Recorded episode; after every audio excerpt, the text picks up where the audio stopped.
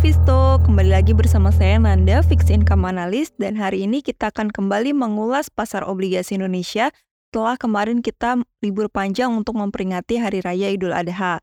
Dimulai dari yield US Treasury dengan tenor 10 tahun, yang posisinya stabil di 3,84 persen, sedangkan untuk government bond yield dengan tenor 10 tahun yang dimiliki oleh Indonesia ini posisinya juga mengalami penurunan dan ada di 6,24 persen.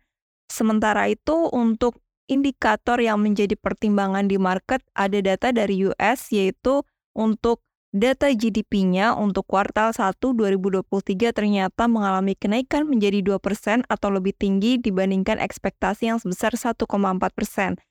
Sedangkan data core PCE secara kuartal on kuartal untuk kuartal 1 ini turun menjadi 4,9 persen atau lebih rendah dibandingkan sebelumnya sebesar 5 persen.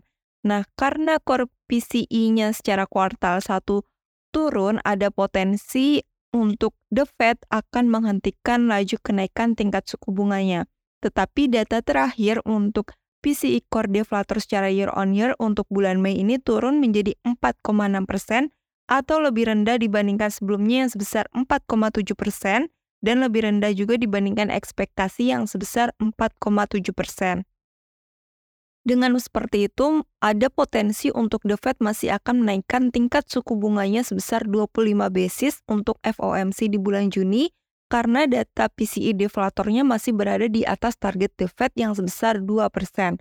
Dan untuk di Indonesia sendiri, data terakhir muncul yaitu untuk S&P Global Indonesia untuk PMI manufakturnya mengalami ekspansi dan berada di angka 52.5 atau lebih tinggi dibandingkan sebelumnya yang sebesar 50.3.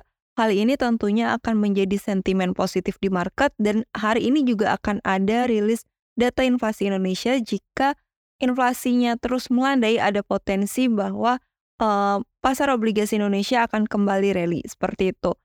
Kian untuk hari ini, investasiku for better tomorrow.